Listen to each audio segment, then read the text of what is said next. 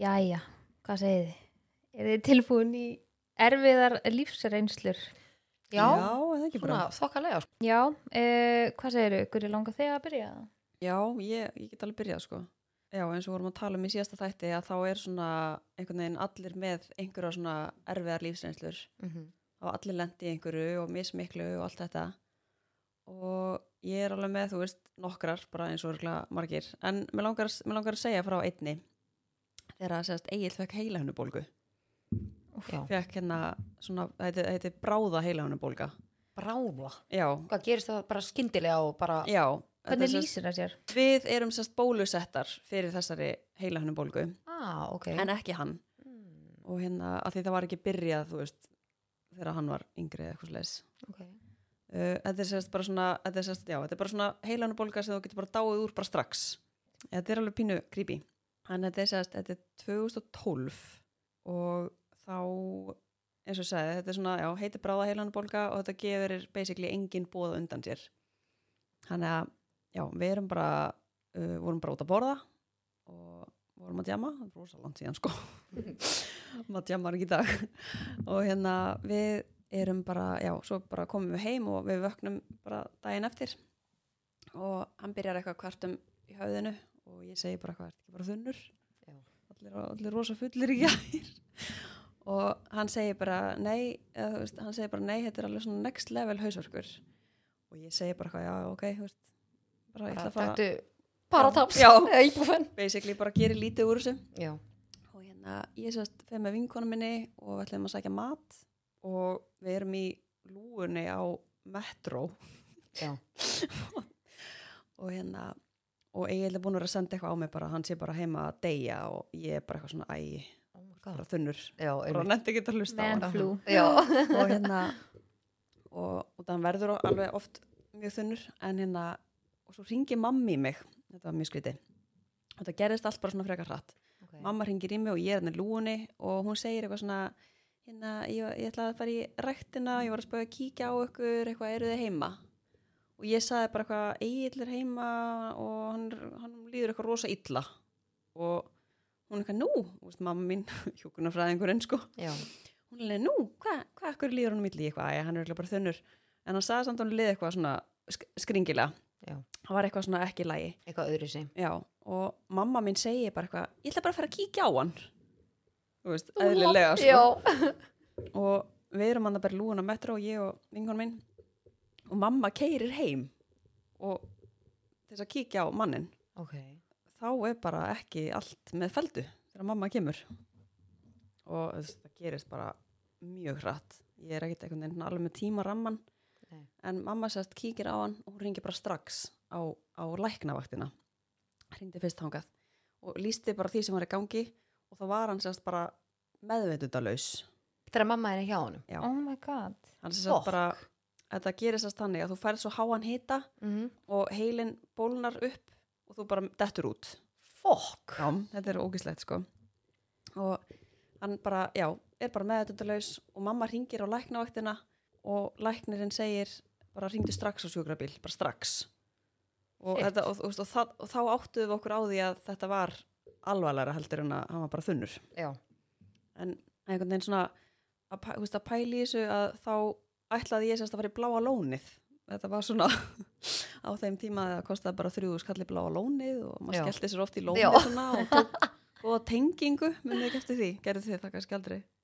Og svo bara einn afréttar í lóninu. Já, Já. og ég ætlaði sérst í lónið og ætlaði ekkert að fá mömmu í heimsókn og þetta einhvern veginn var bara, gerðist allt ótrúlega svona skringilega. Það gerist alltaf ástæði. Ég er að segja Það var svona, virkilega þú veist, maður segir ofta eitthvað svona, en Já. þetta var bara svona, gæinn átti ekki að fara þarna. Já Og við sem sagt, ég kem heim og ég sé hann bara, hann var sérst bara búin að kasta upp, það er vist líka eitthvað, enginni. Já, enginni Og, og þetta var einhvern veginn bara, veist, þú, sko, þú heldur aldrei að sé eitthvað svona að fara að gerast fyrir þig. Nei, Ekki allavega þegar þú ert, ég var, hvað var ég gömul, 20, þú veist, Bara þú ert ungur, algjörlega. 2012, já, 21.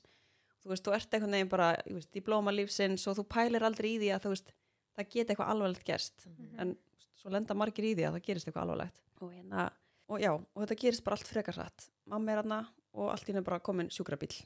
Og hann er bara, það koma bara börur bara inn í Mhm. íbúðuna og hann er bara, þú veist, það er bara sjúkraflutningamennin bara setja hann á börunar og hann er bara, hann er átt þú Shit. veist, ég gæti ekki pikkað í hann eða Og ekkert respond, hann er bara ekkert, átt. hann er bara alveg átt Já.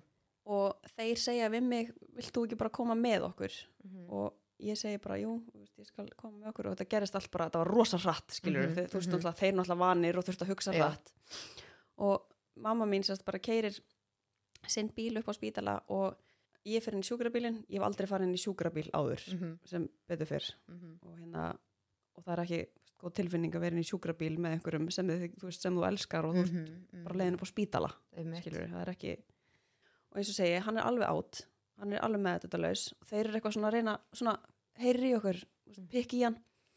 Og hann bara svarar engu, þá byrjaði að setja svona nál í hendina á honum byrja að gefa honum eitthvað svona breiðvirt síklarlif eða eitthvað svo leis því þeir kannski voru með einhverja hugmynd um hvað það gæti verið, þannig að þeir voru bara að reyna störkulega að gera eitthvað. Og þegar ég sé bara þess að nál í þú veist, vera farin í hendina á honum, þá er ég bara eitthvað svona hvað er að gerast? Veist, og einhvern veginn þá maður einhvern veginn svona, eins og ég sagði, þú heldur aldrei að þetta sé eitthvað alvarlegt en svo þú veist, var þetta bara greinilega frekar alvarlegt.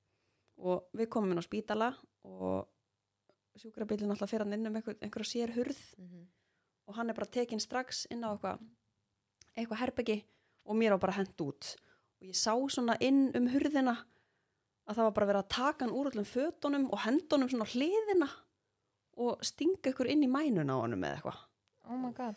Og mamma náttúrulega var hana með mér og við vorum náttúrulega bara að reyna að fá einhver svör hvað var að gerast. Og þeir vissi ekki, því að þeir náttúrulega vissi ekkert hvað var á honum, það er ekkert Nei, að sjá einmitt. það bara um leið og maðurinn kemur inn en þá sérst ætluðu þeir bara að reyna að byrja að hefja einhverju svona síkla lifja meðferð af því að það geti mögulega verið eitthvað síking sem væri að valda því að hann væri orðin meðdutlaus og veist, ég er örglega ekki að útskýra þetta eitthvað alveg 100% Mhm. ég er bara að segja svona hvernig ég upplýði þetta Mhm. og hérna, já, þannig að hann er bara þarna og ég sé bara eitthvað svona ángurins 20 starfsfólk bara yfir manninum og maður færi ekkert að vita neitt og svo kemur einhver læknir hann sem segir bara eins gott er komið með hann núna.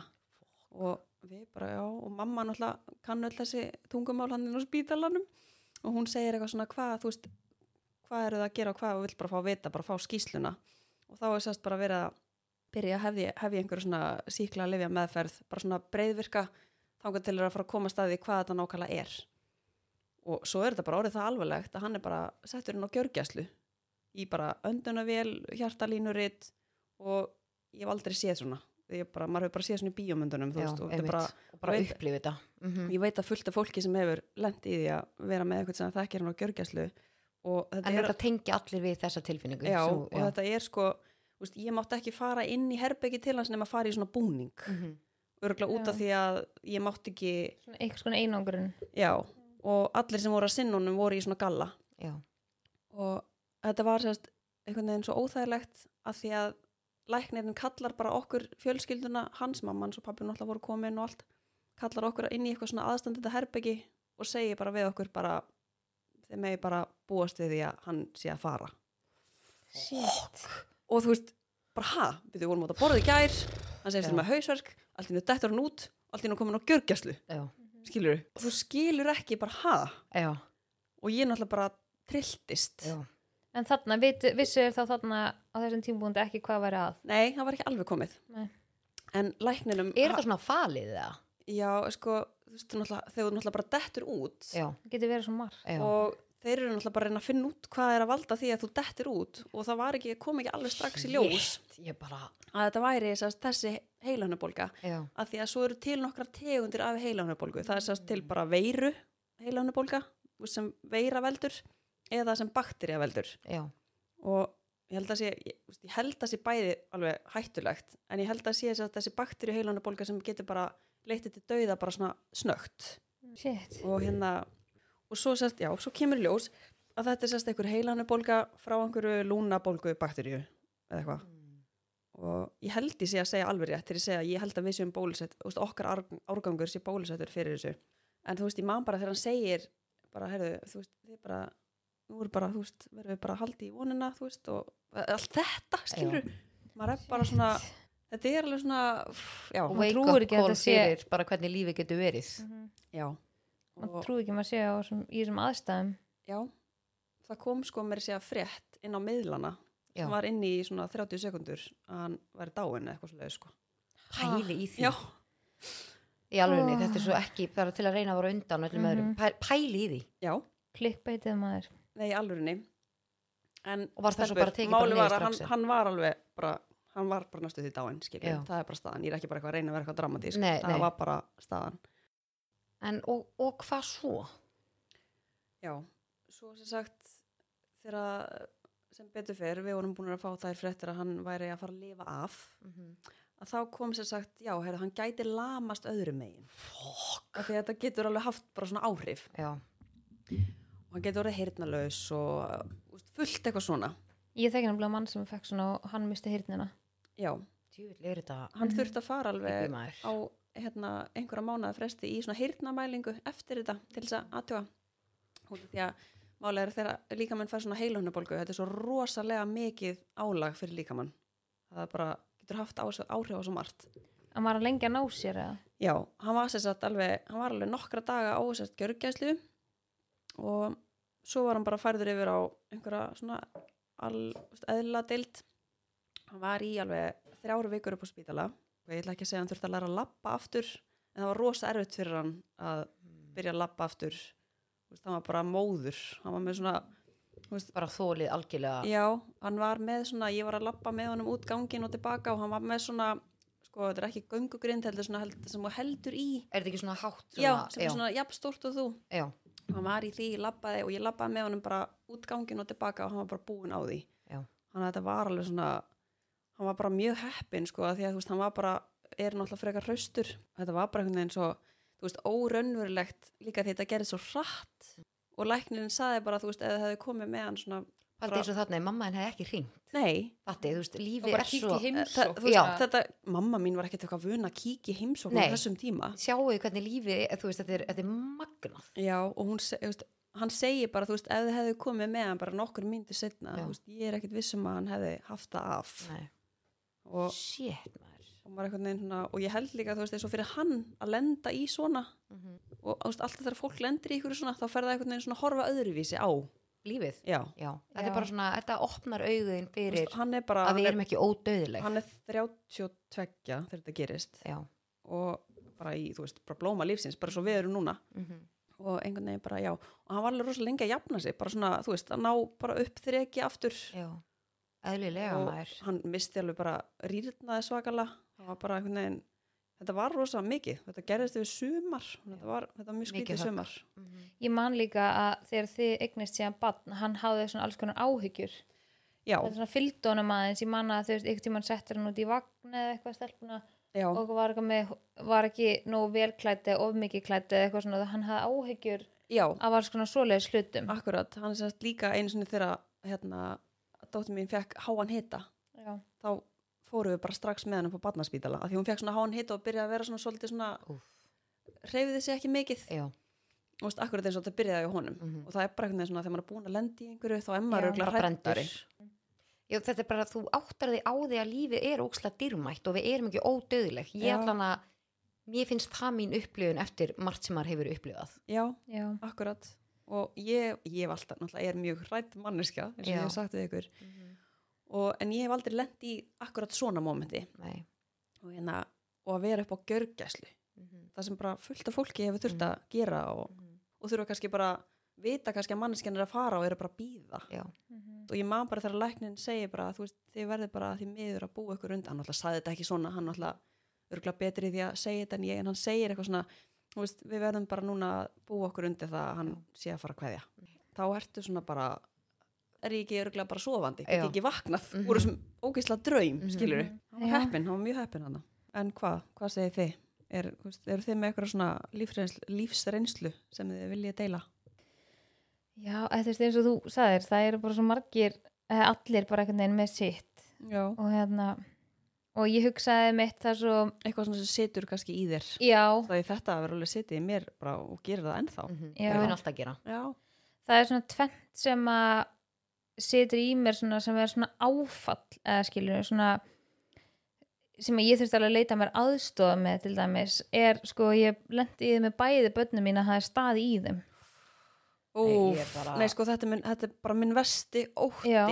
að það muni standi í barninu mínu barn, ég myndi, held ég ekki þóra að gefa því bara mat. Nei, barnið Nei. mitt er bara að fá mauk sko Já, og nei, vinkona mín að hlæja mér en það er bara svo magna því að ég var aldrei hrætt við að gefa þeim mat Ok, þannig að veist, þetta var ekki svona veist, ég get ekki ímynda mér ef, ef það hefði verið hræðislan mín skilur Já, að þetta myndi svo gerast. Já, Já. en mér bara mér finnst bara magnað að það bara muna rosalega litlu bara að eitthvað, þú veist, ha- hafi mögulega þú veist, orðið eitthvað skaði af skilur með þau bæði, þú veist. Ég bara- já, Sko ég máli er, ég verða, ég ætla að koma inn í þetta að því að, þú veist, kannski margir viti þetta ekkert, en það er alveg algengur, þú veist, döðdagi að kapna, bara í Já. heiminum. Mhm. mm Og það getur líka svo margt gerst í kjölfari Já, og það er ótrúlega algengt að fólk er kannski bara á djamminu eða eitthvað og er að borða eitthvað, maður hefur svo oft heyrt svona og finnur að það er að kapna fer kannski bara inn á klósta því það skammast sín og vill ekki verka, veist, við mataborðið Já. og fer kannski inn á klósta og loka sig af og bara Og deyr. Fólk Hafið líka, ekki heyrt svona? jú, líka bara fólk fær, það er bara mjög algengt að þú veist, fólk fái bara hjartastopp bara þú veist, álægi og bara svo mikið þegar fólk það stendur í því að bara að hjarta stoppi bara Já, er það ekki líka, þú veist, ef það kemst ekki súrutn upp í heila, þá getur Jú. orðið bara og getur orðið heila. Já. En ok. En já, ég lendi sérst í því, ég hef talað um þetta áður sko, en hérna, ég held ég hef ekki talað um þetta ofinbarlega það sem gerist með Maron, en með Mæsul sko, þá er ég náttúrulega ég er bara nýja ára mamma og er bara kannar 24 ára eða eitthvað og ég er rosa mikið ein með hann á þessum tíma, þess að Frans er bara að vinna ótrúlega mikið og ég er að gefa henni epli og þú veist, en ég er samt alltaf þannig þó sem ég ekki hrætt við að það standi í þeim, þá sker ég samt alltaf alltaf rosalega smátt Mhm. þannig að það var ekki stór biti hún var ekki eitthvað að naga eitthvað bita henni eitt og ég bara sit fyrir framan hann og er að gefa henni eplabita Hvað er hún gömul? hún er tíu mánuð hana Ok. Bara næstu því eins og minn. já og hún var nánast full tent sko þú veist hún var bara nánast með allar tennunar þau voru bæði komið allar tennunar 11 mánuða og hérna eða þú veist svona allar helstu tennunar þannig að hún var ekki alveg tannlu sko og hérna já hún bara situr hann í matastólum bara beint fyrir frá mig og er að tyggja þetta epli. Svo bara allt í hennu svona og ég eitthvað svona ok bara oft kemur bara svona mikið hljóð og þau kúast og oft svo auðveldlega skilu þú veist þeir eru að fá eitthvað svona upp í sig. Svo bara eitthvað svona og ég er svona shit, þetta, svona, þetta líður svo ógeðslega hratt en samt hægt skiljiði mig hann ég byrja náttúrulega bara á því að slá svona baki á henni og það bara gerist ekki neitt þannig ég enda, náttúrulega bara enda með því að rífa hana upp úr uh, matastólunum og byrja bara að slá bara ógeðslega fast á baki á henni Úf, ég sko bara. og það sem var, var eiginlega þarna er að ég var ekki með síman á mér, ég hef ekki getað skilja hann eftir og fara hann á síman til þess að ringja neitt Og varstu mig. ein? Já, ég var ein og ég byrja bara hann að sko öskra og öskra en það kemur síðan nágrannin minn yfir þú veist, þegar ég reynda búin að ná að losa þetta en Þú kemur tókst yfir. hann upp og byrjaði að... ég byrja að slá á baki á henni, bara Já. alveg fast skilur og ég hafði unnið mjög mikið með börnum þannig ég vissi í rauninni alveg hvað ég ætti að gera en það bara virkaði ekki. Og þegar Oh eitthvað virkar sem þér er kent að eiga virka þá bara svona fríkari. Og ég bara, hugsaði bara áttu svona já og ég fekk bara svona þú veist, þú bara svona styrlast og hún var í alvörinu orðin þannig og hún var svona alveg orðin stíf skilur því hún er bara hér skilur og bara svona farin að blána svona varirnar og eitthvað. Sko, ég alveg ég bara... ég bara, og ég öskrandi og ég held bara að ég var að missa hana og ég var búin að reyna allt, hún er alltaf það lítil það má ekki taka hana hemlik eða hvað sem það heitir, hann að taka hvað, undir. þú veist, má, á maður að setja þau svona á eða er, er hún nú kannski, var hún ekki. Getur þið tekið í fæturnar og svona, hann á snúi öfugt Nei, og nei, ég held ekki, ég held að gera bara ekki neitt, þú veist, þú svona allan að, var mér þetta ekki kent að hallir sér svona fram, jú, Já, yfirleitt að svona þau á hnið og og, þú lemur svona kutt, þannig að það er losni, já, á að losna, skilur það, en þetta var bara, þú veist, við erum að tala um þessi biti og kannski svona eins og litli, efsti toppin og litla puttanum mínum, skilur, bara tiny, skilur en þetta var bara, farið eitthvað eitthvað já, og hún er bara orðin rosalega stíf og blá og þú veist, ég hugsaði bara ég er ekki, ég, það var bara annarkvort að vaða onni í hálsin á henni og ná í þetta, reyna að ná þessu eða leggja hana frá mér og ná í síman skilur, þú veist, ég bara, það var bara tvent í stöðunni. Þannig að ég var búin að reyna hana allt sem ég fannst þannig ég bara óð onni á henni bara þú veist, bjóð til svona krók með vísifingur og löngutöng og bara onni í koki og ég náði bitanum þú veist, þannig að hann fer upp úr uh, en það er stór hættulegt þannig ég mæli ekki með því ef þið ofan í- þessu það ekki? má ekki kokið? sita onni í koki nei. Af hverju? Þú getur bara festan ennþá meira skilur, Ah. þú ítir bara eitthvað skilur, Já, eða festir hann niður og þá bara lokast alveg Þetta er samt einhvern veginn svo, maður myndi pottit svona bara, þetta myndi vera er manns fyrstu lausnin. viðbröð. Þetta er en bara, þetta bara- eru bara einhver ósjálfráð viðbröð skilur sem að ég gerði að því að ég þurfti alveg að leita mér aðstöður eftir þetta því ég var bara í paniki og ég fór síðan á svona og ég mæli með fyrir alla sem er umgangast lítilböld, bara Skyndihjálpa. smáböld já, að fara á svona skyndihjálpunámski fyrir smáböld, þú veist, bara alveg minnstu, þú veist, að því að svo náttúrulega til svona fyrir einhvern mismönd aldur en þú veist, fyrir þessi allra minnstu, að því að þú veist, maður finnst þau vera eitthvað svo lítil og viðkvæm og okkar, það er bara svo margt sem getur komið fyrir, skilur og ég fór síðan á þú veist svona fleiri skyndihjálpanámskið og eitthvað eftir þetta því ég þurfti bara einhvern veginn svona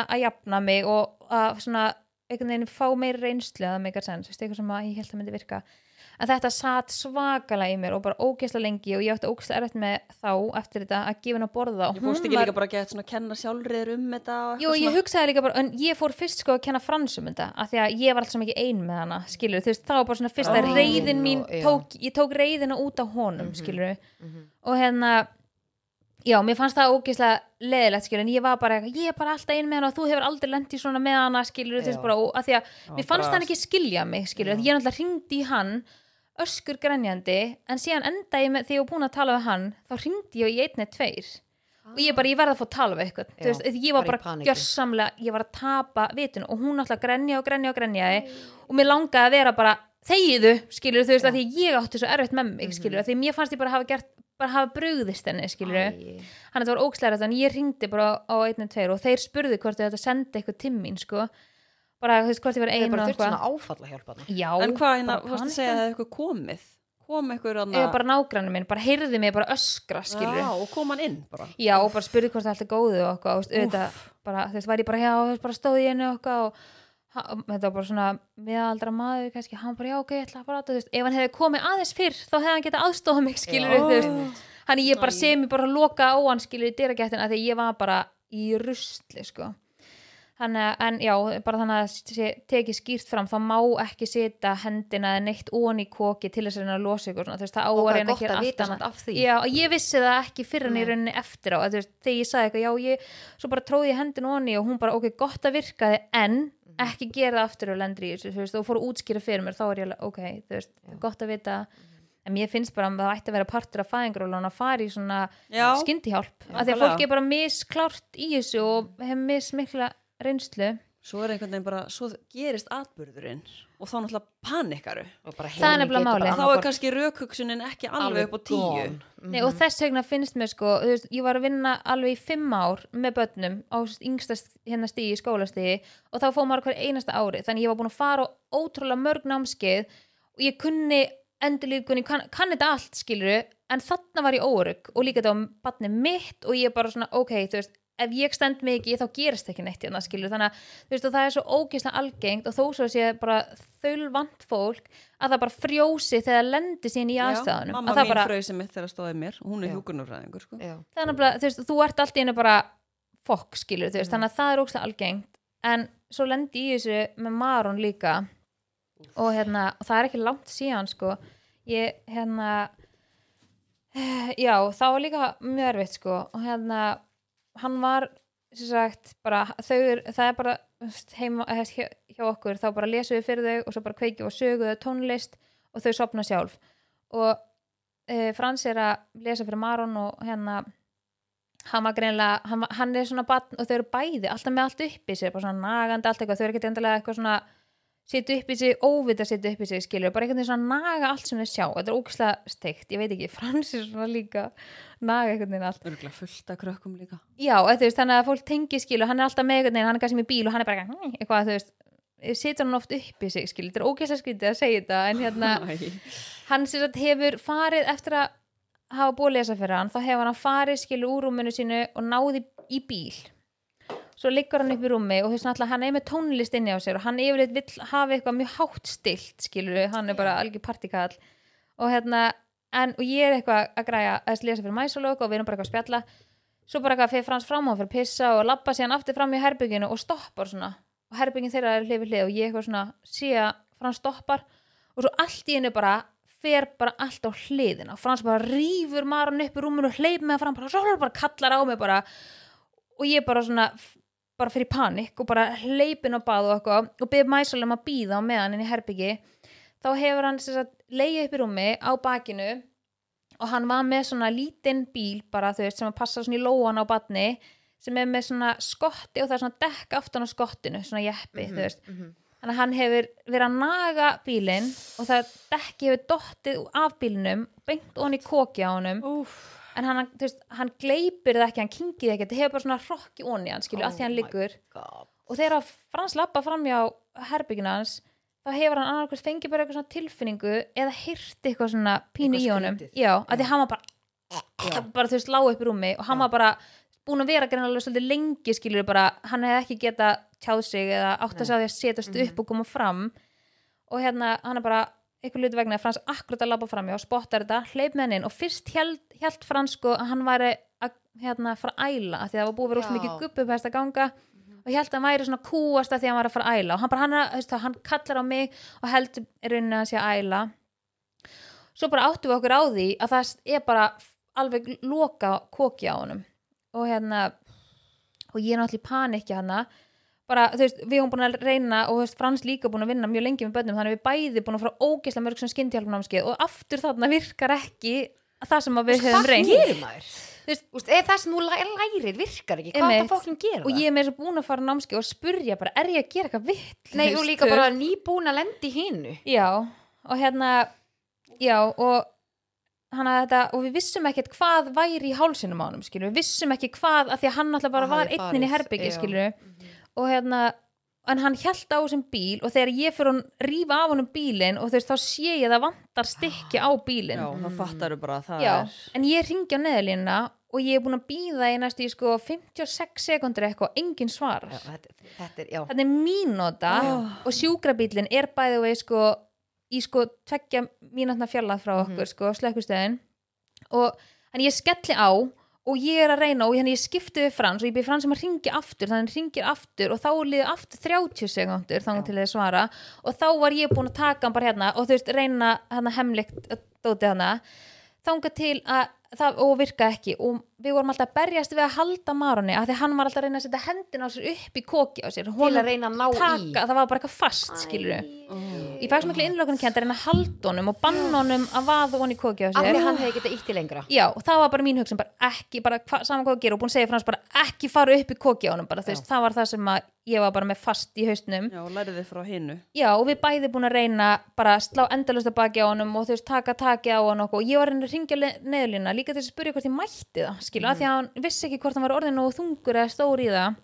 Þangað til að hann bara, þegar við erum að skipta Frans ætlar að taka hann aftur og ég er að tala við gæjan á neðlinni þá rýfur Maron út úr sér og rýfur náttúrulega upp allt koki á sér með helviti stekkinu. En það byrja bara náttúrulega fossblæða og hann bara kúast og kúast og náttúrulega bara öskur garga og það svo skríti hljóði í honum. Þannig ég held kannski að hann hefur rýfið rattböndin eða eitthvað, Já. þú veist, ég vissi bara ekki og ég var náttúrulega bara í símónu bara í paniki en einhver hluti vegna senda þér ekki bíl og hann segir mig bara að fara með hann niður yttir upp á spítala? Já og náttúrulega Ha? COVID já, hvað þið hefði ekki getað hjálp hvað? Já og náttúrulega COVID og þú veist við erum náttúrulega með annar bat og hérna sem betur fyrir og mamma sko og máli er það sem er ógeðslega steikt við þetta er að mamma býr við hliðina á mér og við heyrum aldrei neitt á milli einhver hluti vegna kemur mamma yfir bara hvað er í gangi? Þannig að mamma hefur bara fundið þetta á sér. Mamma kemur bara yfir og tekur náttúrulega mæsul strax. Þessar mömmur sko, þær eru ég segi bara það, snillingar. það móður eðli Já. þannig að hún tekur mæsul og ég strax sko með gæsa og bara upp í kinnbein mm, sko. Ég Já. líka en hann tek, tekur hann strax og við náttúrulega bara förum beint með hann nýrðir og við þurfum náttúrulega að býða bara forever á þessari byðstofu en náttúrulega er betra ef við tekið bara bíl og bara farið beint, beint inn inn. já. já, en svo fengum við ógeðslega góða þjónustu nýra spítala, að vera að segja það. En greið frans náttúrulega út í bíl að býða að því að Marum já, vildi, með. Nei, og vildi að ég myndi fara með honum inn. Og ég náttúrulega bara sko nötrandi og bara ég grenjandi líka reyna að segja. lenda í þessu sko aftur Já, og og ég var eftir líka- að vera trómutest eftir hitt sko. Já, og ég var líka eitthvað að reyna að segja þeim það konunum að það því ég þurfti svo mikið að tjá mig Já. og eitthvað, lefa marun og horfa eitthvað á YouTube, eitthvað, nei, uh, Netflix eða eitthvað í símónu mínu, þannig ég gæti ekki tala við neitt og ég sat þarna bara eitthvað ein og svo hitti ég eitthvað lækni sem eitthvað svona sérfræng sem var skoðar hann og speklar eitthvað og og hann er eitthvað að spurja mig og, og ég var eitthvað að útskýra fyrir hann hvað ég gerst og eitthvað. Og ég held að maðurinn hefði bara séð hvað ég var ótrúlega bara svona hvað segir maður, bara traumatæst Mhm, eftir þetta, mhm. að hann spurði mig alveg bara, hérna, treystir þið til þess að fara með hann heim, bara þú veist, þú mátt alveg vera hérna í nótt og alveg bara þú veist, ég held að hann sé bara hvað með leið ógstilla og bara tárin bara strimdu bara því að var hann útskýra fyrir greiði lækninum hvað hefði gæst og hann er greinilega ekki Íslendingur talaði samt alveg mjög góð íslensku og hann skildi mig bara ekki að því að ég var svo stress og tala svo hrætt Æ. þannig að hann spurði mig alveg á ensku bara, Æ. ertu ekki örgulega með þetta? Og ég bara, jú, jú, jú, jú þannig að ég verið svo ógeðslega óskýr. Já, en svo bara, þú veist, var allt í góðu sko, við þurftum svona að koma með hann að fara með hann til hálsnöfa eyrnalæknis í svona tjekk og eitthvað. Ok. Hann var alveg pínu svona hrættu við að kingja fyrst og hrættu við að þú veist, hérna um, um Já, þennan þú veist, að því að hann var alltaf orðin svo stór þú veist, þetta var bara núna í þú veist, um páskana eða eitthvað veist, þannig að hann var alveg orðin þryggjóra hann þetta var alveg svolítið Ætli, pakki ég hugsa svona, þú veist, þegar þeir eru að taka taki hérna á hann já, ætti dekkið að færst aðeins ofalega og þess vegna hafa náð að grípa dekkið. Þú veist, allan hafi Já. fundið það á sér að þú veist, ég get gripið í það.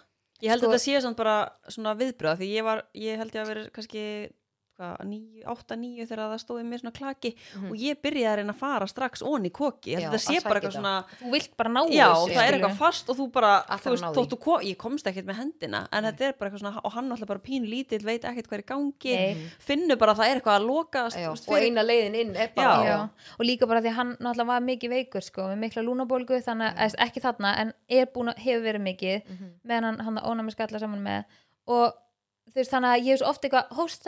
hóst, mm. reyna að láta hann hósta upp að hann gerist svona þú veist, hann er mikið slím og ég held að hósta almennilega og þá hóstar hann alveg og þá losnar um. Hann ég var bara, Maron, hóstaði, hóstaði og Frans bara, hann er með fast í hálsun og hann getur ekki hósta og ég bara þú veist, þú farst innlokakent, svona- bara, gerði bara þig, já, skilurðu, reynda, þú veist, losa þetta. Þannig að þú veist, þegar kokið er náttúrulega loka þá náttúrulega getur ekki ég get ekki, ég bara þannig að þú veist, þetta er bara sjúkræðsla og ég er bara svona mann bara, þú veist, eins og svo kom ég heim og ég er náttúrulega bara öskur grenja, sko, ég er ekki grenja, þessi grenja er svona þrjá daga. Ég bara get ímynda mér það og, svo, já, og svo þetta er talaði ég já, og ég talaði nefnilega við fagaðala og að því að ég bara, þú veist, ég hugsaði bara ég sé búin að grenja í þrjá daga og bara, þú veist ég verða, það verður eitthvað að gerast, skilur Já, bara ég það hjálp. Já, þannig að ég hérna, þurfti að leita mig hjálpar og, og tala við eitthvað og þá sagði þessi fagæli sem ég talaði við að þegar maður lendir í svona lífsreynslu þá, þú veist, fer hausin í gegnum það alveg eins og versta útkoman hefði komið út, skilur Já. þú gengur, þú veist, að því að eins og hún sagði bara ef það versta hefði gerst að þú hefði bara mist hann hana þá er aðdraðandinn svo sami, skilur Já. þannig að þú upplifir alltaf bara hvað gerði vitlist, hvað ef þetta hefði gerst. Ok, ef að Fransi hefur ekki labbað framhjá og við hefum bara ekki tekið eftir þessu bara eða að fara að sofa. bara allt skilur, já, bara þú veist, það var hausinn bara Af fyrir hverju flug femmar alltaf þarna? en hún sagði samt við mig bara, þú verður að hug, hugsa bara leiðum að koma og bara en þú veist, við gerðum það rétta og þetta reddaði, skilur, það bara þetta gerðist og bara, þú veist, ok, hérna það var ekkert verra sem gerðist og þú veist, ég var að þetta voru þrý rosalega erfið dagar og ég man ég setti eitthvað í stóri eitthvað svona texta þar sem ég skrifaði eitthvað bara svona ég man ekki svona hvað ég skrifaði en ég var svona að reyna að koma sér frá mér, ég var ekki tilbúin til þess að ræði þetta. Ég, ég man þú postaðir þessu. Já, og veist, þá fekk mér líka bara svo góð viðbröð þegar ég hugsaði bara svona, ég ætla heldur ekki að segja engum frá þessu Nei. og bara, þú veist, ekki fá stuðningin sem maður þurfti. Og mér varst líka að leikskólinn brást ógeðslega vel við. Já, þau, þú veist, við náttúrulega sögðum, honum, sögðum þeim frá þessu og hérna og þær tóku bara dóti hjá sér á deildinni þá sem að Marum var á, tóku dóti hjá sér og bara alveg í skoðun, skilur hvort það væri mögulega eitthvað, veist, bara til að fyrirbyggja að kemist lýs, bara kannski hjá okkur um öðrum já. þannig að þetta er svona að ég veit ekki, veist, þetta fekk mann alveg bara til þess að endur skoða margt sko, veist Já, maður álíka að tala um svona. Veist, maður á að gera það. já.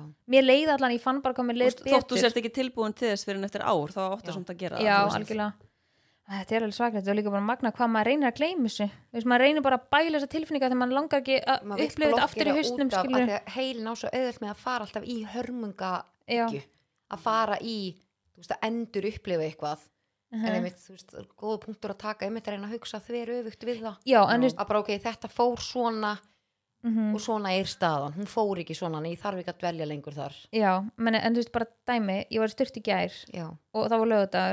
ég var og var krakkarnir voru frammi að leika sér. Þú veist, nú er Marun verið fjóður og Mæsur er sex. Þau geta alveg verið frammi í fimmundum inn í hoppi styrtu að leika sér. En allan tíman, eitthvað. Já, allan tíman var ég svona, er eitthvað svona hljóð sem er að gefa mér eitthvað sæn og ég er alltaf að opna styrtuna ég er með opið sérst fram, alltaf að opna styrtuna svo heyrið þau bara eitthvað að tala saman ég eitthvað, er sko leika bara sér. nákvæmlega eins En ég- en ég ég, ég byrjuð að kald svitna að það sé eitthvað koma fyrir skiluru Mhm. En sjá hvað hugurinn er magnaður. Já, Þetta er allt sem úr þetta búið til haustum aður. Eitthvað sem er ekki að gerast í raunveruleikunum. þetta er bara En samt kannski bara allt er lægi að hafa kannski vott af þessu þannig að maður Að passi sig. Þannig Já. að það eðlilega tánum. ekki að það eigi bara að yfirtaka allt Nei, en svona að hafa vott af svona, já, bara svo eftir meðvitaður. já, Mhm. þá Þannig passa að- maður sig já, þetta er svona tvent sem að eitthvað svona áföll sem að ég Það hefur haft svona sko. mikil áhrif á lífið þitt. já, en svo er náttúrulega bara margt annað sem að maður gæti alveg tekið sem dæmi sko. Já. en þú Lína Ég? Já, það er eiginlega kannski svona tvent, svona tvent hjá mér, svona sem ég hef kannski svona, já, haft svona mikil áhrif á mig. Og ég ætla ef ég kannski segja bara frekar í, þú veist, stýttra máli heldur en lengu máli að, ætla, ég ætla að byrja kannski bara á sjúkdómsgreiningunni minni.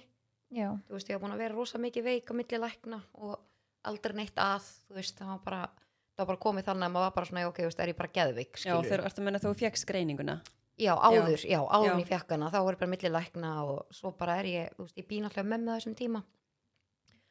Og svo hérna er ég bara honum það veik, ég er bara inn á baði, bara þú veist, bara búin að æla úr mér lífið, skilju, bara drepast úr verkjum, ekkert virkar á mig. Shit. Og hérna, og þá er ég bara að eiginlega bara farin út af og mamma bara líst ekkert á þetta, hún bara nei. Og þá kemur sjúkarbíl heim og ég með, með burðnar og þá tekum út. Og þú náttúrulega í því bara þú veist, maður er svo fyndin, maður vil ekki taka pláss frá einhverjum öðrum. Og ég var hann í sjúkarbílum bara, nei, bara setjum aftur heim þú ég þarf ekki að fara upp á spítal og þau Já. ekki að sækja mig og eitthvað hérna. Bara fárveik. Ég var samt bara hrættum ég væri að taka plássi frá kannski ömmu frá einhverju frængu eða eitthvað Já. skilji einhver annar ætti að fá að vera þarna en ekki ég. Og svo bara fer ég hérna beint inn, þú veist, ég látum býða fyrir alls konar rannsóknir. Og ég vildi rosalega erfitt að greina hann sjúkdóm, það tekur langan tíma. Já, og svo fæ ég greininguna uh, basically hálfum degi eftir á veist, ég Já, fer ok. hérna kvöldi til og ég fæ greininguna basically daginn eftir eða þú veist samdægur Hvernig er svona hérna, hve- hvernig er þetta greint? þetta er semst, já, ég fer bara í alls konar rannsóknir bara í allar, þú veist, ég fer í þú veist, bara blóðpröfur þú veist, það er tekið þvagpröfa það er tekin uh, saurpröfa það er, þú veist, það er ómskoðun er þetta eitthvað svona ristil og magaspekki já, m- jú, speklanir og svo ég farið líka í svona sneiðmyndatökur og Mm. röntgen, þú veist, ég fór í allt sem hún getur farið í, skilju, Já. bara til að tjekka þú veist, hvað er að, það var augljóst að það væri eitthvað að Mhm. uh, já, svo fæ ég greininguna og já, ég held að það var búið að segja við mig því ég var búin að rosalega veik alltaf í vinninu rosalega mikið frá, hann var ég í, í hérna, framhaldsskóla og missir rosalega mikið, og rosalega mikið veik. Þannig að ég fell á mætingu, þannig að ég bara tek mig úr skóla, tek mig úr námi, þannig að ég bara svona, því ég var svo mikið frá. Mhm. og já, hann að það var svona ég held að greiningin hafi verið svona lán í óláni, Mhm. fattiði mig. Já, og svona eftir og litið, þú veist, að þegar maður vill alltaf sjá jákvæða úr öllu sem gerist, einhvern veginn að vera með svona jákvæðan útgang, útgöngupunkt. Akkurat. En svo þegar ég, ég semst er lögð inn á spítala og fæ semst svo greiningu, sko málið, það er eiginlega búið að finna út hvað þetta er, en ég fæ ekki greininguna staðfesta 100% fyrir en það er, já, deginum að tveim dögum eftir á. Ég semst ligg inni, er semst færið um spítala fyrir á ringbraut, veist, er lögð þar inn. Og þá kemur semst læknir til mín og veist, ég er bóður inn á skrifstofu til hans með mömmu minni. Og hann segir bara við mig, þú veist, mér þykir ótrúlega leiðilegt að segja þetta og Hvað varstu gömul? Þetta er 2011, það voru tíu, það tíu ár núna, desember, ég greindist í 11. desember, minni mig, já. Og, og hann segir við mig bara, þú veist, þetta mun, þú veist, bara áður en ég segir þetta, vil ég bara, þú veist, mér þykir ótrúlega leiðilt að vera að segja þetta við, þú ert svo ung og flott stelpa. Og þetta mun hafa mikið áhrif að þú myndir vera mikið veik og fyrir bara að halda einhver ræðið þarna. Og ég einhvern svona blokkerast svolítið bara út. Og hann er svo hægur að segja mér þetta að ég bara drullaðis út þér, drullaðis út þér, hann svo lengi að segja bara þetta er að. Já, náttúrulega verða að segja þetta rétt og eitthvað svona. Já, ég veit það, en ég var inn í mig þarna var ég bara Já, drullas út þú vildi bara vita þetta strax Já, og hann var bara að segja mig hvað var að fara að taka við og ég ætti bara að búa mig undir þú veist að ég er rosa mikið bara veikur einstaklingur. Og svo segir hann við mig og ég horfi þarna.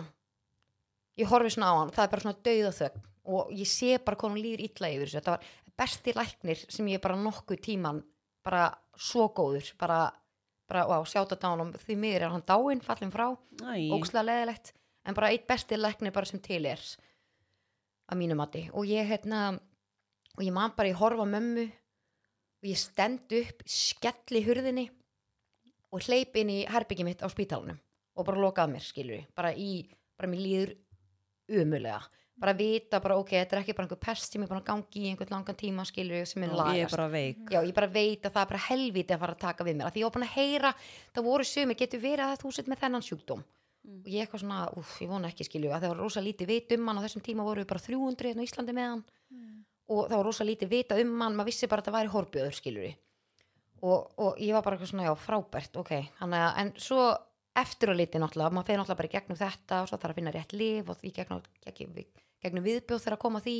Svo byrja ég bara einhverju stera meðferð þú veist, það er að taka tíu steratöflur á dag þannig að ég var bara, óge, þetta var bara, þetta var óge, þetta var bara ógeðslegt erfitt tímabil. Svo pluss kemur síþreit ofan í það hann er lífið mitt á tímabili var bara þannig í mjög langan tíma, ég hætti náttúrulega tjamma það er náttúrulega áfengi er ekki gott en sjúkdóminn. Þannig er ég tók það alveg út sko. Uh, en ég basically hætti bara að lifa. Þannig að út frá því byrjar þvílíkt þunglindi og ógislega mikil kvíði og algjör sepp leysi yfir nóttina að því ég var bara kvíð og sjúklingur sko. Þannig að uh, læknirinn minn sendi mér svo nýra geðdild sér bara á mér að ég er alveg mjög ólík sjálfur mér og þar fæ ég greiningu á hérna og fæ þú veist, töflur og eitthvað svona við kvíðunum og þunglindinu já, hann að lífið mitt var basically þannig eftir þetta með síþréttun og það að ég var bara svakaski til hádegis vaknaði, fekk mér kannski eitthvað smá að borða liðið bara og soði á þessum tíma því ég þorði ekki að borða neitt þannig ég var ógeðslega grunn á tímabili Þú sko. varst að rættum að það myndi fá í magan að því. Já og bara illt í líkamann skilji, ég var bara, ég bara hrætt við allan mat þannig ég þurfti, þú veist, þetta var, ég þurfti basically svolítið að reyna að lifa upp og nýtt að læra það. Já, og bara hætti öllu, þú veist, bara socially bara kifta át, skilur. Var bara, ég bara bjó heimi á mér, fekk mér að borða svo var ég bara búin á því, hann hefði fór að leggja mig aftur, vaknaði svo í kvöldmöndileiti fekk mér aftur kannski svo smá súkulega til að fá smá sigur líka mann og svo bara fari ég að svo aftur veist, var þá komin á svepptöflur og eitthvað svona þegar ég átti rosa erfitt með að sopna á kvöldin en svafi við daginn, skilji. Þannig að þetta var lífið mitt kannski í svona eitt og hálft tvö ár á þessum tíma, sko. Þannig að þetta hafði rosa mikil áhrif á mig þannig að ég þurfti bara algjörlega ég man eins og ég var, að þegar ég var oft lögðin á spítala. Sjúkdöminu verið semst verri hjá mér við fundum það út semst, uh, rétt áður en ég byrja á blæðingum. Semst, vikan fyrir það er rosalt helviti fyrir líkamann minn, hann bara rosa erfitt með þetta. Þannig að þá á tímbili var ég alltaf lögðin á spítala bara úr, ver, í bara verkjakasti svona krónskasti eins og það kalla- kallast. Og þá hérna bara er ég lögð inn og fæ ég jafna mig þar hann er mér bara gefin lif og reynd að halda mér þú veist í bara ágætis jafnvægi skilur til að ná mér jafna mig út. Að hérna já, hann að það gerðist alltaf svona einu sinni í mánu, hann að það hafði rosalega mikil áhrif. En já, hann að maður þurfti svolítið svona að læra einhvern veginn allt upp á nýtt, hvernig þú gerir hlutina. Ég man bara þess að ég lá einu sinni þarna inni ég skrifaði dagbók og ég var bara, þú veist, ég á ennþá dagbókina. Þú veist, ég var að skrifa hana, hún er í náttborunum mínu heima mömmu, gamla herbygginu mínu og ég var að lesa yfir þenn daginn og ég fór bara að gráta í las þetta, sko, þú veist, að ég finn svona tilfinningarnar út af og þá, þú veist, sá ég bara, þú veist, hér ætla ég að taka ákverðin að ég ætla ekki að vera einhverju fórnalambi, því ég veit þetta er umulegt nýttu þetta fyrir eitthvað til góðs. Það er ástæða fyrir svo verður fyrir eitthvað bara þakklátt að þú lendir í þessu fyrir en einhver annar eða eitthvað svona fattiði mig, þetta er náttúrulega umulegt en þetta ég er svona reynir bara að hafa rosalega jákvæðan útskýringastíl Og ég eigi marga umulega daga og verð og líður umulega skilji Mhm. en ég man bara eftir þessu augnabliki ég var snjór úti, það var að koma jól það var 18. desember, ég var akkurat að fá memories bara í fyrra dag sko og þá var ég með hérna rör í gegnum nefið og í magan til að tappa af um sem verki þá var bara svona að vera með svona póka á hliðina á mér til þess að fá vökan út skiljiði og þá var ég um að sjá, þú veist, þarna var dagurinn og ég var bara svona, ok, kannski er ég að fara að missa jólunum og verð bara á spítalunum, en það var rétt svo slapp og þá mátti ég til dæmis ekkert borða henni neitt sko. Þetta ekki líka með alveg svona frekar slæma útgáfu af þessum sjúkdóm. Jú, af því ég fekk þetta nokkra, jú, þetta er rosa misjátt og þú getur verið með hann á nokkrum stöðum en ég fekk hann á nokkrum stöðum. Já, Þannig að, og hann var rosa svæsin en ég er, þú veist, með við hvernig ég var þá er ég á miklu betri staðskilu, ég næ svona meira meðhandla sjúkdómi minn já. en ég fæ ennþá þessi köst mhm. og, og, finn, og rosa mikill bara verkja sjúklingur skiljiði ég. Er það. En hvernig er þetta mér pínu forröðin að vita áður en að þú ferð þarna inn á spítala Mhm. með sjúkrabíl og Já. ert greind já, hvernig var veist tíminu undan því? Var ekkert sem þið grunaði að væri að eða helstu bara, veist, ég held að, ég að langur ristillin væri bara farin skiljiði og svo var sko svo fyndið, þú veist, ég fætt til heimilislækna eða þú veist, og á að læknavakt og eitthvað og fæ þá lif sem ég má ekki taka í dag út af sjúkdómnum. Þarna er algjör hann að ég var að taka lif sem að kveikti í mér basically, veist, þannig að þetta er svo óþægilt, þú færð ekki kannski grei- að því að máli er að oft er rosa gott að fá, það var smá léttir fyrir mig eftir að fá greininguna því þú vissi að það var eitthvað að. Já, já, bara vita, já. Já, þú veist að það en, væri á, en og svo á móti kemur líka svona ákveðið áfall að Já, fá að vita þetta að þetta er bara nýja lífið þitt. Já, að því hann sagði basically við mig bara búðið undir þegar svo er ég á þannig livjum, ég er á ónæmis, ónæmis bælandi livjum. Þannig að þú veist, þegar þið fáið pest, fyrsta sem að ónæmiskerfi gerir er að ráðast á veiruna eða pestina. En máli ég er bara ekki með ónæmiskerfi. Þannig að þegar ég fæ einhverja pest, það er ekkit ónæmiskerfi að fara að ráðast á hana. Þannig að þú veist að það er bælt niður með livjónum. já, Og það er þetta sem er svo leiðilegt að þetta sé lifi sem að heldur sem ég skefjum. Þannig að já, ég basically fæ allar pestir mhm, þú veist, að þú hóstar í kringum og veitir bara, já ok, frábært, skilur ég já, en þetta er bara svona ákveðin raunveruleiki og þetta er bara mitt líf og ég er bara, ég fann að lifa rosa með því og ég er búin að meðtaka þetta, skilur ég en ég er alveg bara svona, já, maður reynir að hafa Jákvæðan. ertu reyð að þú hefði fengið þetta verkefni? reið, Já, nei, en ég var ég var reið og sár fyrst já. en þú veist, í dag er ég bara svona hvernig karakter ég er Mhm. þá er ég svona, að ég kannski bara ástæða fyrir að ég átt að fá þetta verkefni þannig að já, en ég held að þetta hafi svona Mér finnst líka magna að ég á uh, tvær af mínum uh, betri vinkonum eru með sama sjúkdóminn. Já, þannig að þetta er svona, þetta opnar vinkonu. svolítið þegar þú sér þú er aldrei kannski heyrt um þetta áður. Svo allt í hennu ferði bara svona af þessum eins og þegar ég greinist þá eru 300 manns með þetta. Svo allt í hennu bara, ég var þessi, þessi og þessi þá allt í hennu verða þessi 300 svolítið stórir. Eða þú veist, þá, svona, Já. þá opnast eins og einhver svona nýr gluggi fyrir þér. Já, en mér finnst líka og ég er ógst ána með hérna hérna vinkonum mína sem með hennar sjúkdóm að hún opnaði hana Instagram já, krónísk Já, ég Mhm. mæli með að það er ykkur sem er að díla við eitthvað svona sjúkdóm, ekkert bara Crohn's en Nei, svona króníska sjúkdóma sjúkdóma Já, já. hún er svona pínu að- að fara bara í gegnum alls konar tilfinningar og svona það sem Mhm. hún hefur unni úr og ótrúlega mikið af svona fróðleik og ég var ótrúlega stolt af henni að, að því að hann, hann har búin langa að gera þetta lengi Mhm. Og ákvað sína að gera sagt, þe- þennan miðil, þetta plattform til þess að geta bara svona tjáð sig og fyrir mig til dæmis nú erum við búin að vera vinkonur bara í ég veit ekki, þú veist tíu ára eða eitthvað Mhm. en ég, ég upplýði bara svo öðruvísi að vera aðstatandi ef ég get sagt það, þú veist, ég sá hennar sjúkdóm og hennar svona enginni og líðan og hugsanir allt öðru sig þegar hún gætt skrifa þér niður í pistla eða í einhvers konar texta eða útskýrta í, á Instagram. Þannig að veist, þeir sem eru kannski standa einhverjum hérna, nálægt einhverjum sem eru með króniska sjúkdóma að þú veist, ég mæla alveg með því að skoða þetta. Þetta er alls konar svona fróðleikur sem hún er búin að taka saman og setja þetta inn og ég er svona já, og líka náttúrulega fyrir fólk sem er með króniska sjúkdóma. Þetta er náttúrulega gert fyrst og fremst fyrir það fólk sko með í huga. Að svona þú veist, þú ert ekki einn og getur leitar aðstóður og ég veit til þess að það fylgta fólki sem hefur sendið henni skilabóð og eitthvað svona, hún hefur einhvern samskiptum við fólk sem er svona upplifir sér svolítið þú veist, innmanna í þú þessu. upplýður rosalega einan. Að því að þú veist, þú ert eins og þú til dæmis talar ekkert mikið um þetta. Ég tala ekki við sjúkdóminn við neitt Nei. nema smá við gumma svo ræða við mömmu en ég, ég er rosa mikið bara í just ég er bara eins og þegar ég er að kasta upp heima Mhm. ég held að helmingurinn að er þegar gummi veit ekki að því sko, og ég sleppi að segja hann það ég veit að hann er þannig gerður að hann vill gera allt fyrir mig en hann, Mhm. mm. hann getur ekkert gert og honum líður svo illa yfir því já. erfitt að vera það bara er að horfa erfitt fyrir að vera, já, það er ekkert sem þú getur gert þannig þá er ég bara svona, ég nenni ekki að setja hann í óþægilega stöðu en þar á móti er ég frekar að kvæljast í laumi, Já. skilur við en það er sama mitt með þessum vinkunum mína sem að Mhm. þú veist hún svona talar og svo lítið um þetta en núna finnst mér ég geta spurt hana öðruvísi, Já. skilur mm -hmm. Eftir að svona hafa aflað með meiri upplýsingar í gegnum hana, skilur þannig algjörlega að ef, ef það er eitthvað sem hefur áhuga að skoða þetta þá heitir það krónísk á Instagram, Instagram. Já. Já, mér finnst þetta rosalega sniðut af því að ég er að fylgja til dæmis sömum svona akkantum úti sem eru með svipaðan sjúkdóm og ég Já.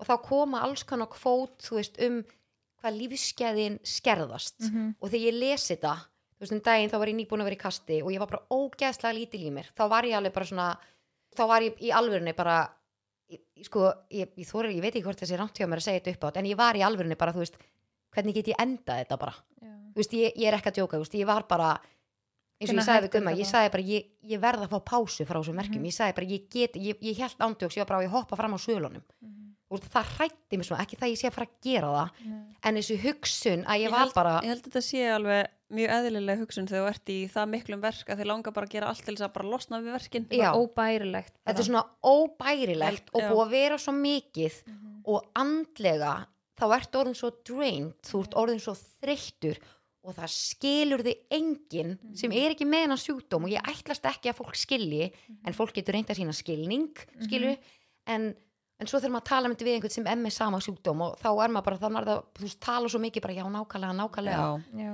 en að heyra, þú veist, eins og að sjá einmitt eins og með Instagram símanu hennar og það er sem ég verið að fylgja, þú veist, úti að bara svona, já, þetta eru mín skertu lífskeið váka ég tengi, váka ég tengi Já. eitthvað sem að þú kannski og þú og þú og þú sem að skilur ekki neitt Nei. þú veist, hvernig hlutinir er bara, hvernig þú sérð bara lífið allt eru ljósi, skilji og svo eins og en dagina þegar ég fer í lífauki og sex vegna fresti og svo fer ég kannski í rannsóknir og svo fer ég í blóðpröfur og svo kannski lendi ég inn á bráðdeild út að ég er slæm og spítalinn sem þú heldur eigi bara vera eitthvað svona auka þú veist í lífinu ef þú ert eigna spann eða þú veist þú þarft að fara í einu sinni blóðpröfu eitthvað að láta tjekka á einhverju. En þú veist spítalinn er svo mikið mikill stór partur um mínu lífi og mér finnst þess að því að labbaði um daginn í gangin ég var bara svona maður er bara svona, já, maður er bara second home maður, maður er bara orðin Já. svo vanur skilur þú veist, þú veist bara nákvæmlega gott átt að fara, hvað þú ert að gera Já. Æ, þetta, þetta er svona, þetta er svona öðri sig raumurlegi, Já. Já. þannig að, já ég held ég láti þetta samt bara, ég held við kannski tökum annan þátt um svona erfiðar lífsreynstur þegar við Já. erum með alveg margt, skiljið Já. Já.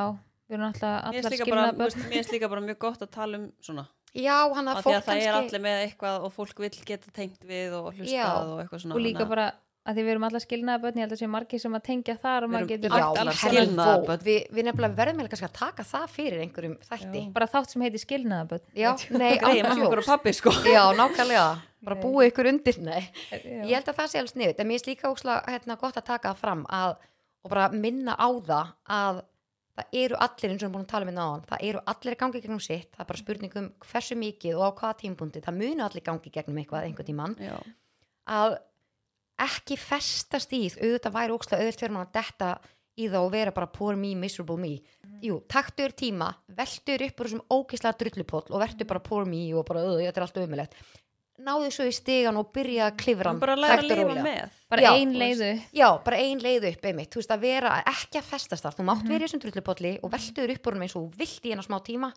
En ekki vera hrættu við að leita að aðstór þú veist, talaði við sálfræðing geðlækni, markþjála fyndu það sem að henda er, allan að Mhm. ekki vera eitt skilji, Nei, það er ógeðslega krúsjál. Það er bara svo vond sko. Já, og ég held að sé já, að það eru allir að ganga ykkur um sitt og við skulum bara vera meðut um það þannig að bara reyna allir að vera bara góði við náungan mm algjörlega, það er það sem að maður líka alltaf einhvern veginn að minna sjálfan sá bara þú veist aldrei hvað náungin er að gangi gegnum. Nei, þú veist maður þarf að bara hafa það í huga. Einmitt, það var það svona bakveira Algjörlega, ég held að sé að þetta sé bara mjög frábær loka orð já, svona áður við umræðu. okkur í Já, ég held að þetta sé bara ótrúlega flott loka orð uh, úr þessari umræðu.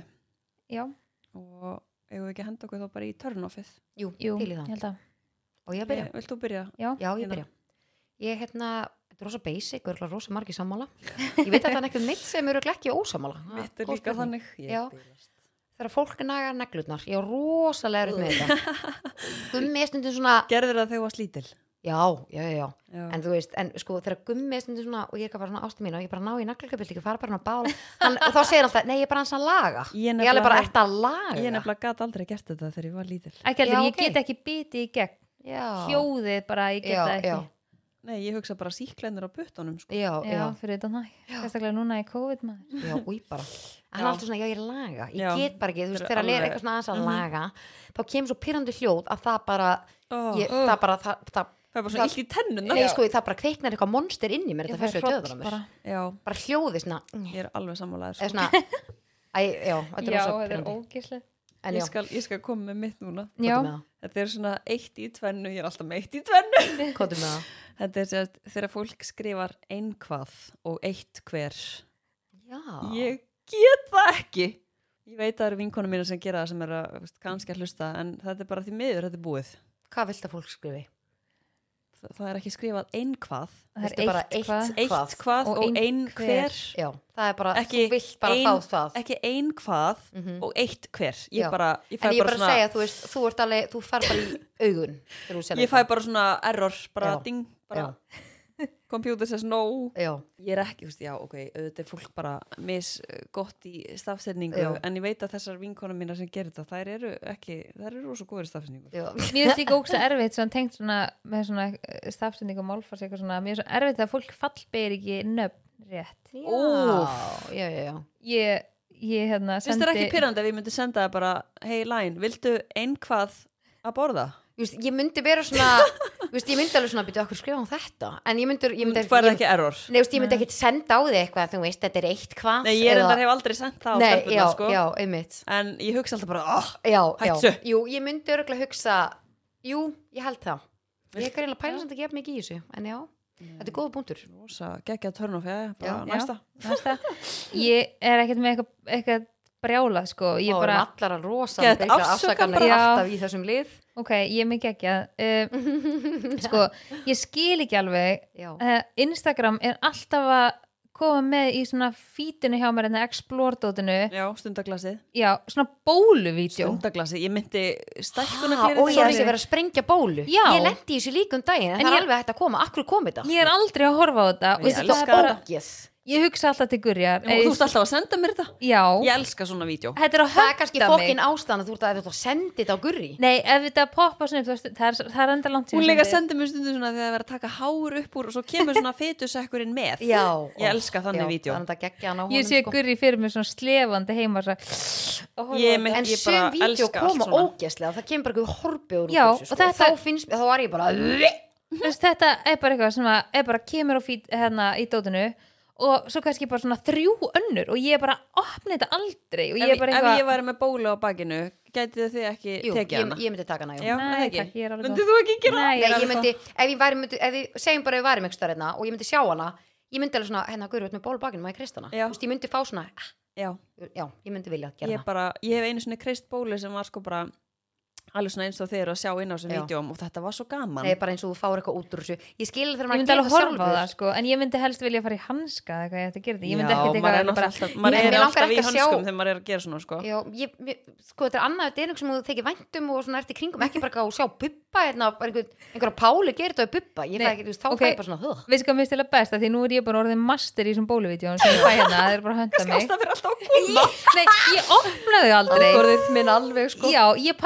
þetta opnaði ekki þannig að þetta höndi mig ennþá meira en það er alltaf svona, þeir eru í svona hönskum og þeir eru farin að setja svona auðlýsingu á puttana Puttan á hönskunum. á hönskum stendur bara eitthvað tjang, tjang, tjang, eitthvað svona stofan og allt, eitthvað Instagram account eitthvað sem að opna til að að sjá fleiri Ok, það er hef að tróðu það. á hanskan. það er ógeðslega fyndið. það er eina sem ég hlæja af ég ætla bara, og svo er náttúrulega hanskin allir svona krumpaði svona svo smokkur skilur svona Já. Og þú bara eitthvað svona býtið, hvað stendur í þessu, þú ert ekki að horfa á bóluna Nei, þú bara horfa á eitthvað ok, hvað svo fyndið? hafið ekki samt Instagram. hort á hana Dr. Pimple Popper það voru Nei. þættir á hana ég heldur að um að vera húlu Æ, mér stundum eitthvað svona að vera ómikil viðbjöður. Oj. ég bara elska þetta Ég get ekki svona ógislan horbjóð, ég get svona sminni horbjóð, skilju. Ég, ég get það. ég finn það, það. ég finn það, ég ég get það. það en þú getur einhvað einhvað Nú ætla ég að leika mér aðeins sem ég Einhver. senda þið skilabóð. nei hættu. einhvað og þá er ég alltaf með hettun öfuga þegar Já, ég til þín. Nei takk. Herðu, já, ég held að þetta sé bara hann byrjaði svolítið svona, þetta, var gott að fara í aðeins svona þingri Já, mál. þyngra, já. það er alveg, og ég er alveg lífið að er alls taka konar. Já, ég er alveg til að taka meira þú veist, og tala kannski líka um kvíða og þunglindi og okkur svona, já, þú veist, tala um alls konar. Ég held við um alla gengi í gegnum eitthvað svona smá þannig tímabil sko. Já, já, hvað segið, þið, er þetta ekki bara orðið gott í dag? Jú, ég búin að fara um víðan völl. Já, svolítið djúpar umræðar hann áðan eða Já. svona alvarlegri nótum. Já, ég fíla það. Já, ég, líka, ég, er til í alveg með það. já, Já. gott svona í bland, það var gaman líka að taka ykkur svona aðeins öðris í vinkla á svona erfum eh, lífsreynslum og svona erfum aðstæðum og svona Mhm. þannig. Það var ekki að skemmtilegt. Mhm, eða þú akkurat. veist skemmtilegt, þið skiljið. Algjörlega, bara takk fyrir í dag